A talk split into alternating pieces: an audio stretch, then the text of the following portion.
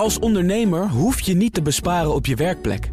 Want IKEA voor Business Netwerk biedt korting op verschillende IKEA-producten. Word gratis lid en laat je werkplek voor je werken. IKEA, een wereld aan ideeën. Lobbypanel. Dat was even spannend, maar het is wel degelijk tijd voor het lobbypanel. Nederland geeft jaarlijks 37,5 miljard euro fiscaal voordeel aan fossiele bedrijven. Is de lobby vanuit het bedrijfsleven sterker dan vanuit milieuorganisaties? En de Verenigde Staten zijn niet blij met de krimp van Schiphol. Zal Nederland zwichten voor de lobby vanuit Amerika?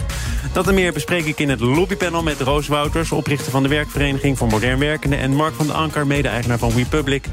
Leden, welkom op het nieuwe tijdstip. Goedemorgen. Zijn jullie er klaar voor? Ik ben er klaar voor. Ja. Hartstikke mooi. Het is een uurtje of elf. De kranten zijn gelezen. Wat is jou opgevallen, Mark?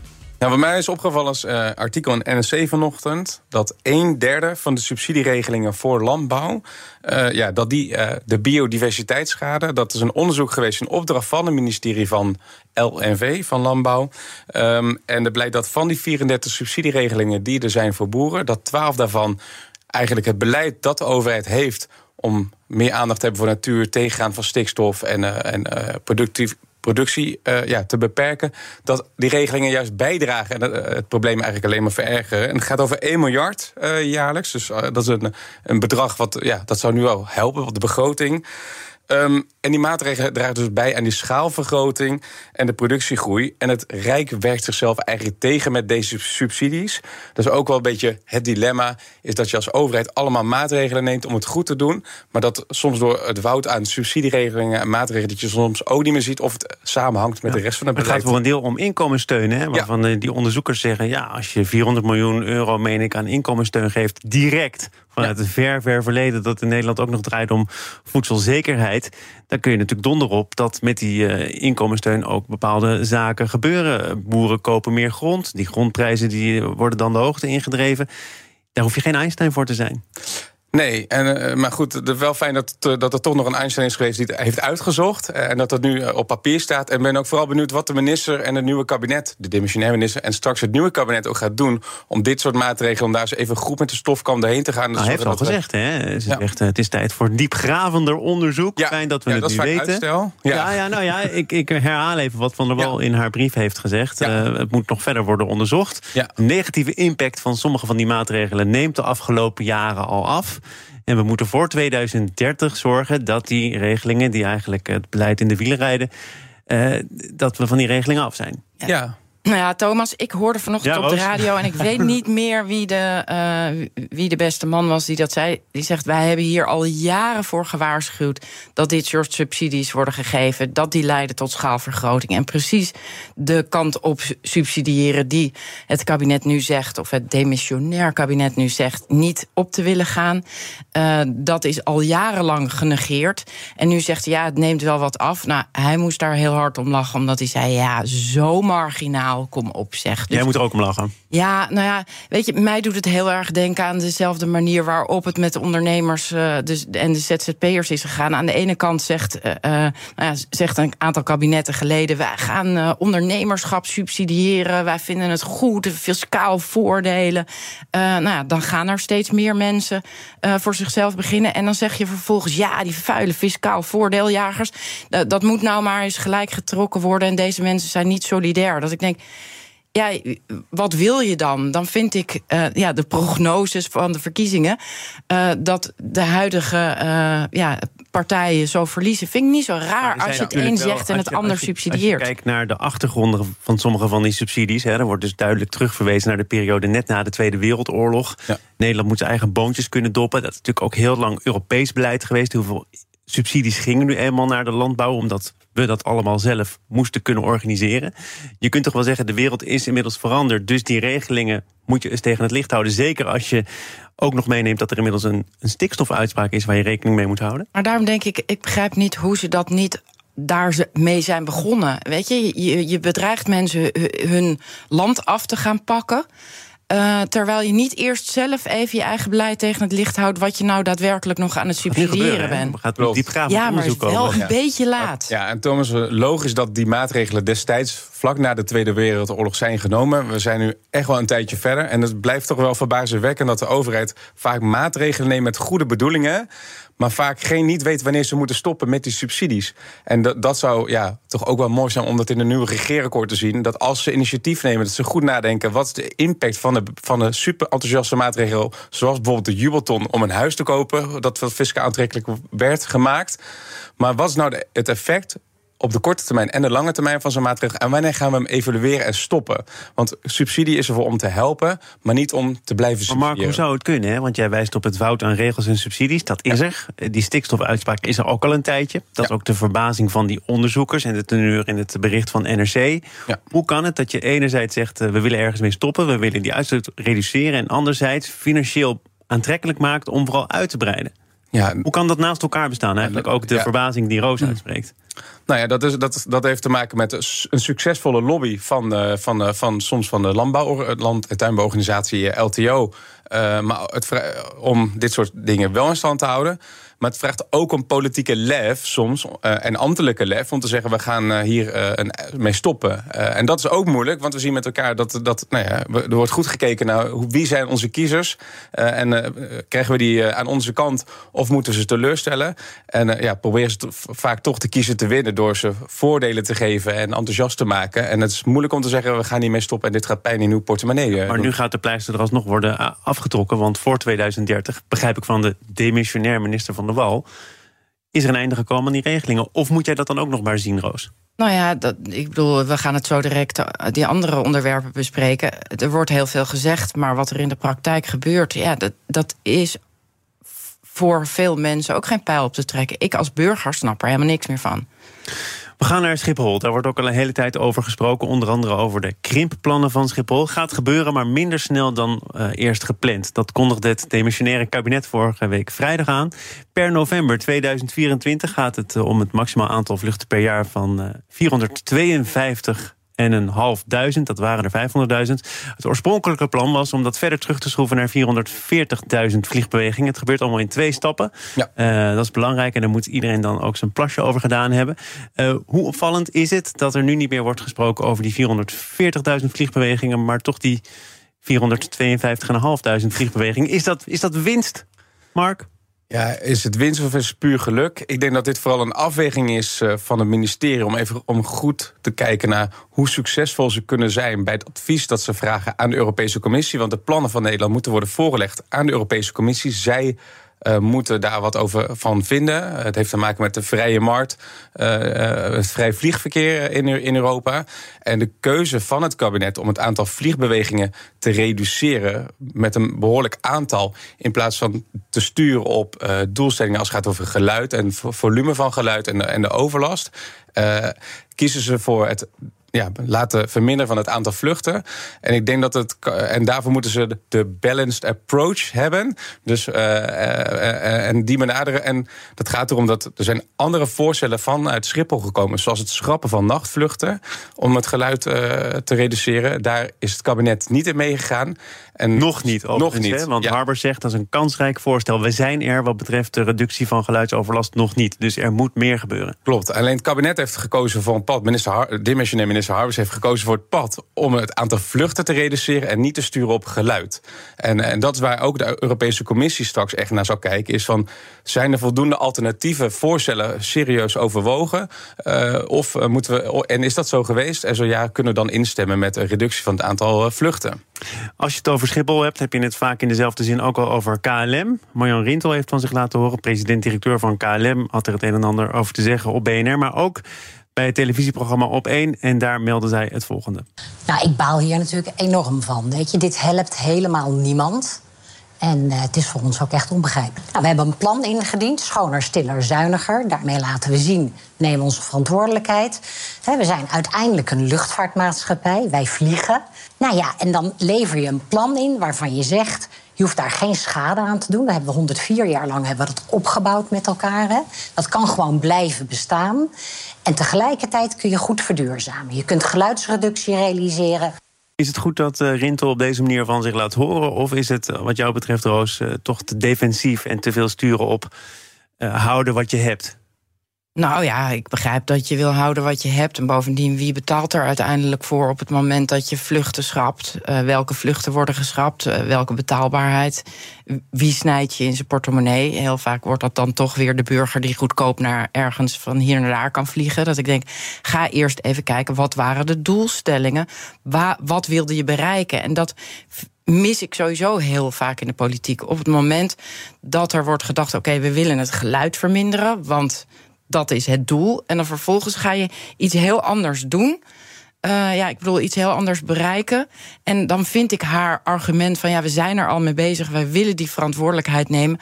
Uh, ja, maar er, er, wordt ook getwist over de winst die die verduurzaming van de vloot oplevert en op welke manier, op welke termijn. Hè? Ik bedoel, je ja, kunt zeggen nee. als die geluidsoverlast uh, echt een serieus thema is, met name voor omwonenden. Hè? De directeur van Schiphol, de interim topman, heeft gezegd: nachtrust is nou niet bepaald iets wat je controversieel of niet controversieel verklaart. Dat moet gewoon gerealiseerd worden.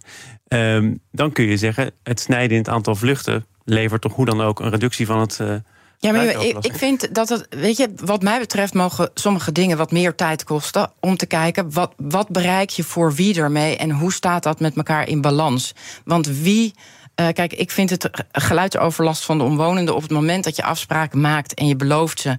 Er worden heel veel grapjes gemaakt. Ja, dan moet je daar niet gaan wonen. Tegelijkertijd, als je een huis koopt en er wordt gezegd.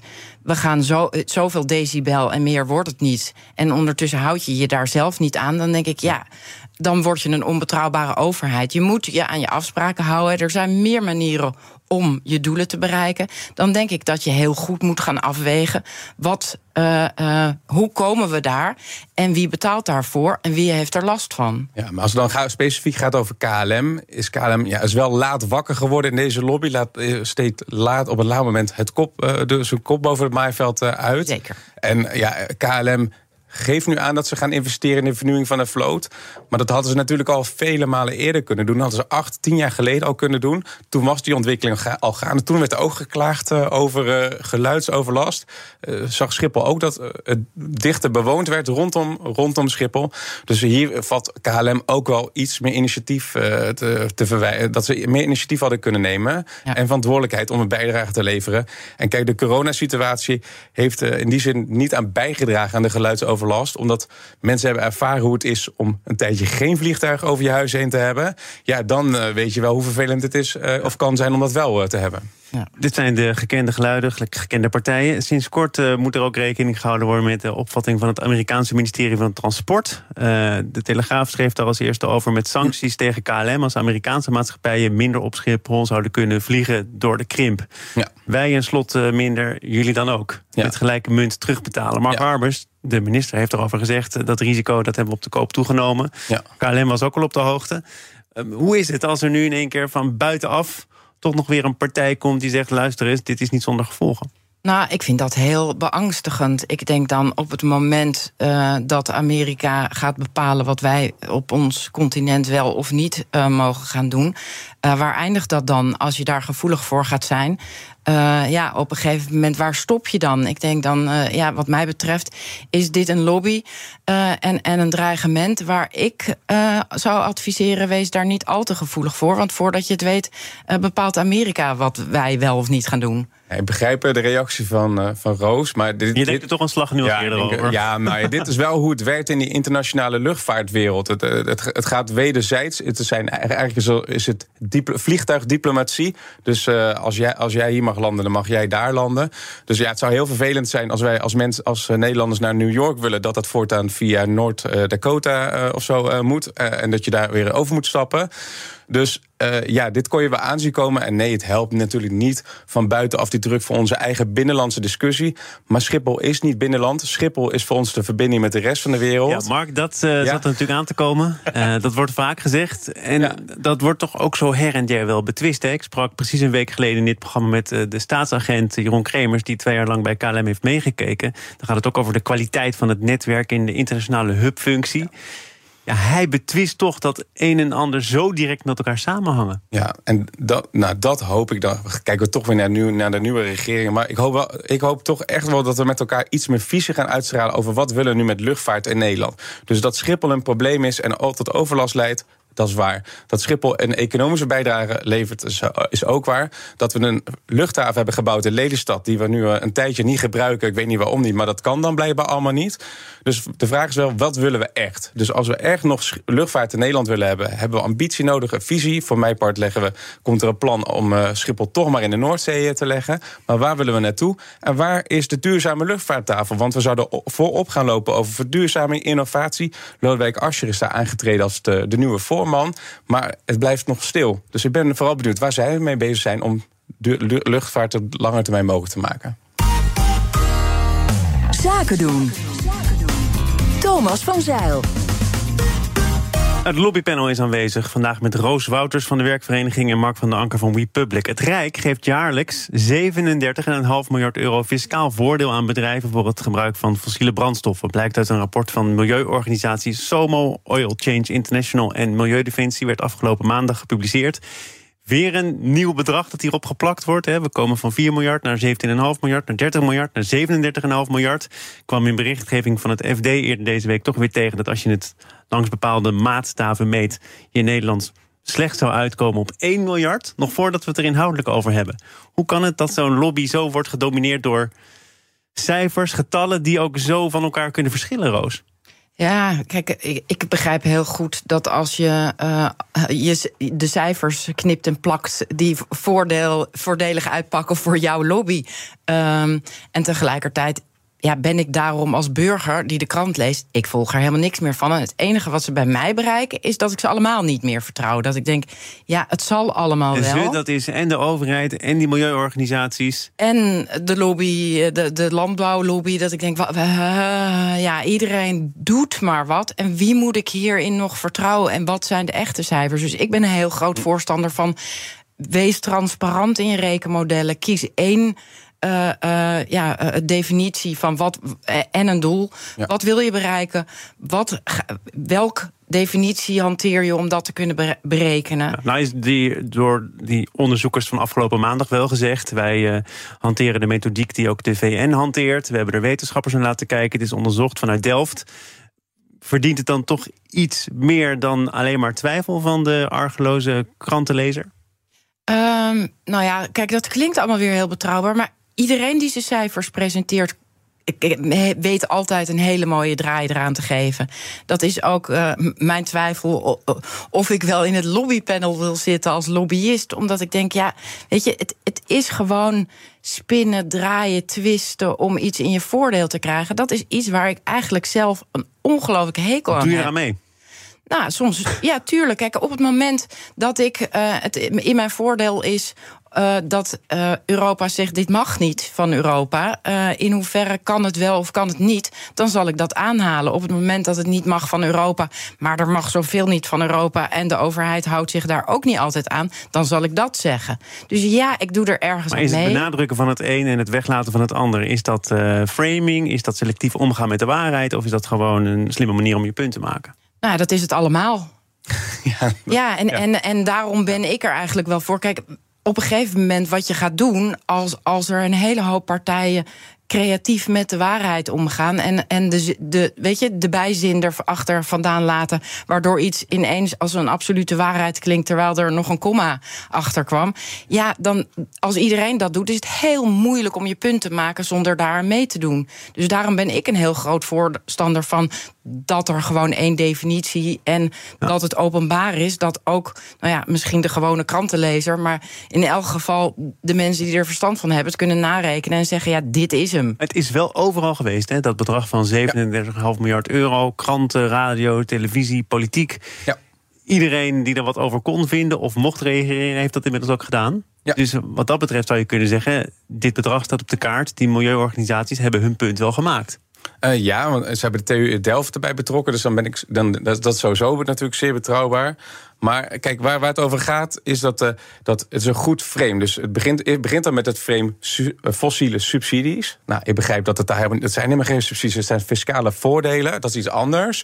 Maar dat is een semantische discussie. Maar ze hebben het frame neergezet, fossiele uh, subsidies. En wat ze ook goed hebben gedaan, is doordat ze steeds de afgelopen periode aandacht zijn gaan vragen, zijn steeds meer mensen gaan afvragen: wat is dat dan en waarom geven die grote bedrijven dan subsidies?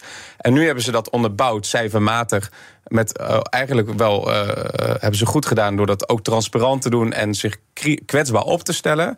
Um, en dit bedrag, de minister heeft het bedrag uh, bevestigd dat het wel eens zou kunnen kloppen, dat hij dit ook heeft gehoord. Misschien dat het nog een beetje ja, hoger maar ligt. De minister heeft ook gezegd: wij komen op Prinsjesdag met onze eigen berekeningen. Ja. Er komt nog een verdere studie van Ja. het CPB, van het Planbureau voor de Leefomgeving. Dat doet mij toch vermoeden dat dit niet het startpunt is. Nee. Of misschien het startpunt, maar niet meteen ook het eindpunt van die discussie. En wat nou zo leuk is, wat mij nou opvalt de laatste tijd in Den Haag en de wereld eromheen, er wordt ongelooflijk veel gegooid met cijfers. Niemand, net als Roos, eh, ja, ik ook niet, ik heb gewoon bestuurskunde gedaan, dus cijfers zijn sowieso. Maar niemand volgde meer die cijfers. Oh, de ja, ik kan cijfers niet te Ja, wel cijfers wel, maar ik kan niet rekenen. Maar eh, ja, maar die, er wordt zoveel, die cijfers zijn niet meer betrouwbaar, maar ook uh, omdat er zoveel discussie is over cijfers, is het ook geen relevant, niet heel relevant en overtuigend argument meer. En waar uh, we terug naar moeten is wat is nou het uitgangspunt? Dus dat is ook relevant in de lobby.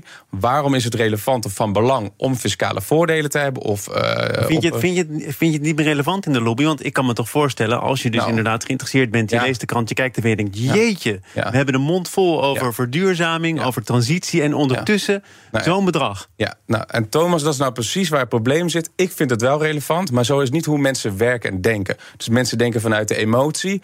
eh, en een gevoel. En denken eigenlijk niet na over de cijfers. En wat we bijvoorbeeld ook zien is dat we gebruiken bijna niet meer in lobby's eh, het argument. Weet je wel hoeveel banen dit oplevert? Hoeveel we, we bijdragen aan de economie? Dat is niet iets wat beklijft het land. Niet bij journalisten, maar ook zeker niet bij politici en ambtenaren. En ja, het is gewoon eigenlijk zonde om daar nog We onderzoek moeten het naar te eigenlijk doen. helemaal niet meer over de cijfers hebben, Roos. Nou, ik ben nou ook zeker geen ster in cijfers, dus het zal me heel goed uitkomen. Maar uh, nee, kijk, ik, ik, ik ben een groot voorstander van elke keer heel helder definiëren. Wat is nou het doel wat je wil bereiken? En dat doel wat je ooit hebt gesteld, is dat ook nog wat je vandaag wil bereiken? En dat voortdurend tegen het licht houden. En dan ben ik er wel voor dat knappe koppen gaan kijken in hoeverre. Uh, zijn de plannen die we hebben, komt dat ook overeen? Gaat dat ook het doel bereiken? Maar het, het gooien met cijfers en het. Uh, ja, dan weer een subsidie of fiscale voordelen. Langzamerhand voel ik me gewoon voor de gek gehouden. We gaan het uh, zo meteen hebben over alle andere dossiers waar dit kabinet nog wel of juist niet meer over wil nadenken of praten met de Kamer. Oftewel, wat wordt controversieel, wat niet. In dat lobbypanel zitten nog altijd Mark van der Anker en Roos Wouters. En we gaan praten over onderwerpen waar het kabinet en de Kamer ook nog over gaan praten. Of juist niet. Deze dagen wordt duidelijk wat er controversieel verklaard wordt. En wat nog wel op de agenda kan of mag blijven staan. Roos, ik wil maar aftrappen met de demissionair minister van Gennep van Sociale Zaken en Werkgelegenheid. Die zei gisterochtend op BNR het volgende over hervormingen op de arbeidsmarkt.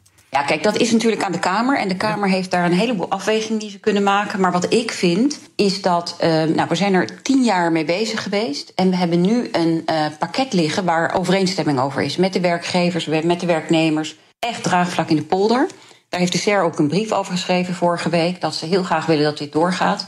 En het arbeidsmarktpakket is ook een afweging. Hè. Er zitten 37 maatregelen in. Elke maatregel is op zichzelf helemaal doordacht tussen werkgevers, werknemers, zelfstandigen. En tussen al die maatregelen zit ook weer balans.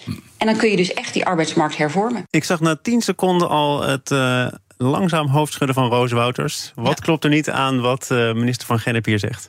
Nou, wat mij heel erg irriteert is... ze zijn inderdaad al tien jaar bezig met... Uh, het vager, ingewikkelder, moeilijker maken. Hervormen.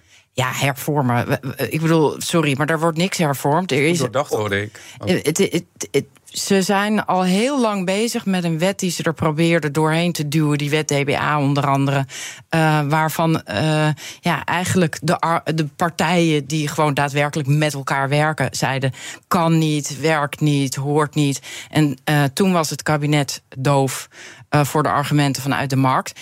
Ik denk wat er nu, dan wordt er nu gezegd, ja, de polder is het er helemaal mee eens. Nee, de polder is zo muf murf gepolderd. Maar klopt het toch wel dat uh, Van Gennep terecht wijst op een brief van de SER... waarin die SER ook zegt, ja, eigenlijk wat je nu de afgelopen weken vaker hoort... Uh, ja, maar, laat het alsjeblieft niet nu afweten, we moeten door. Ja, de, uh, het klopt dat de SER dat zegt, maar wie heeft onlangs nog gekeken hoeveel draagvlak heeft de SER? Want zij, kijk, weet je, dat, dat is een irritatiepuntje van mij wat al heel lang is. werknemers, kroonleden. Ja, je zou kunnen zeggen, daar zit dan de werknemers, kroonleden.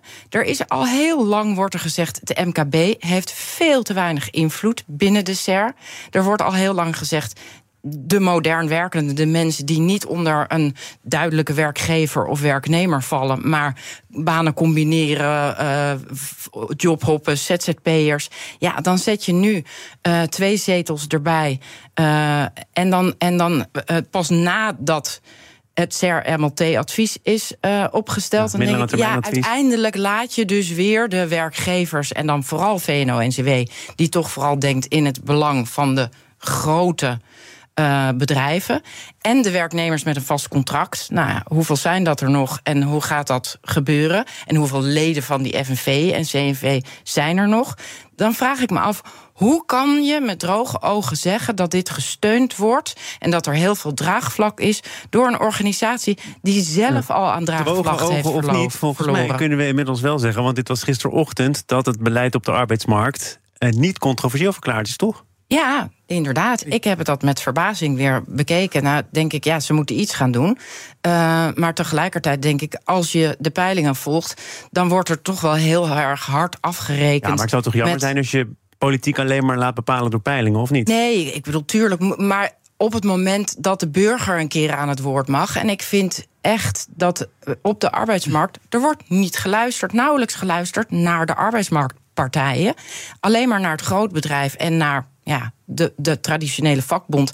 En de rest wordt dat is interessant. Het grootbedrijf wordt dus wel gehoord en die vakbond. Eigenlijk de tegenpolen die hebben toch nog wel enige zeggingskracht. Ja, die hebben nog zeggens, uh, zeggingskracht. Alleen het, het grappige is, we doen nog steeds alsof we dus nog steeds in het tijdperk van vader Philips leven met de arme arbeider. De arbeidsmarkt van vandaag de dag is radicaal veranderd. En de oplossingen, kijk, waar ik gefrustreerd over ben, als ik ga stemmen. Dan kan ik kiezen voor een partij. Uh, dan komt er een coalitie, dan wordt er water bij de wijn gedaan... dan komt er een minister van kleur op het Veel ministerie. mensen zullen dit proces herkennen. Ja. ja, nou ja. En dan vervolgens, wat doet de minister? Zeggen, ja, de SER vindt... En dan denk ik, ja, ik heb toch niet op de SER gestemd? Kon ik maar op de SER stemmen? Want dan kon de SER ook eens luisteren naar dat de, de behoefte in de praktijk en waar mensen daadwerkelijk in de praktijk tegenaan lopen, dat dat nou niet heel hoog op het netvlies ligt van de SER-partijen. We gaan heel even naar de techniek achter het controversieel verklaren. Want uh, daar gaat het deze dagen over, volgens mij ook nog weer vandaag en morgen. Zeker. Wie bepaalt dat uiteindelijk en hoe liggen dan de verhoudingen? Want als je kijkt naar de oogst tot nu toe, is volgens mij heel weinig controversieel verklaard, behalve een wijziging van de postwet.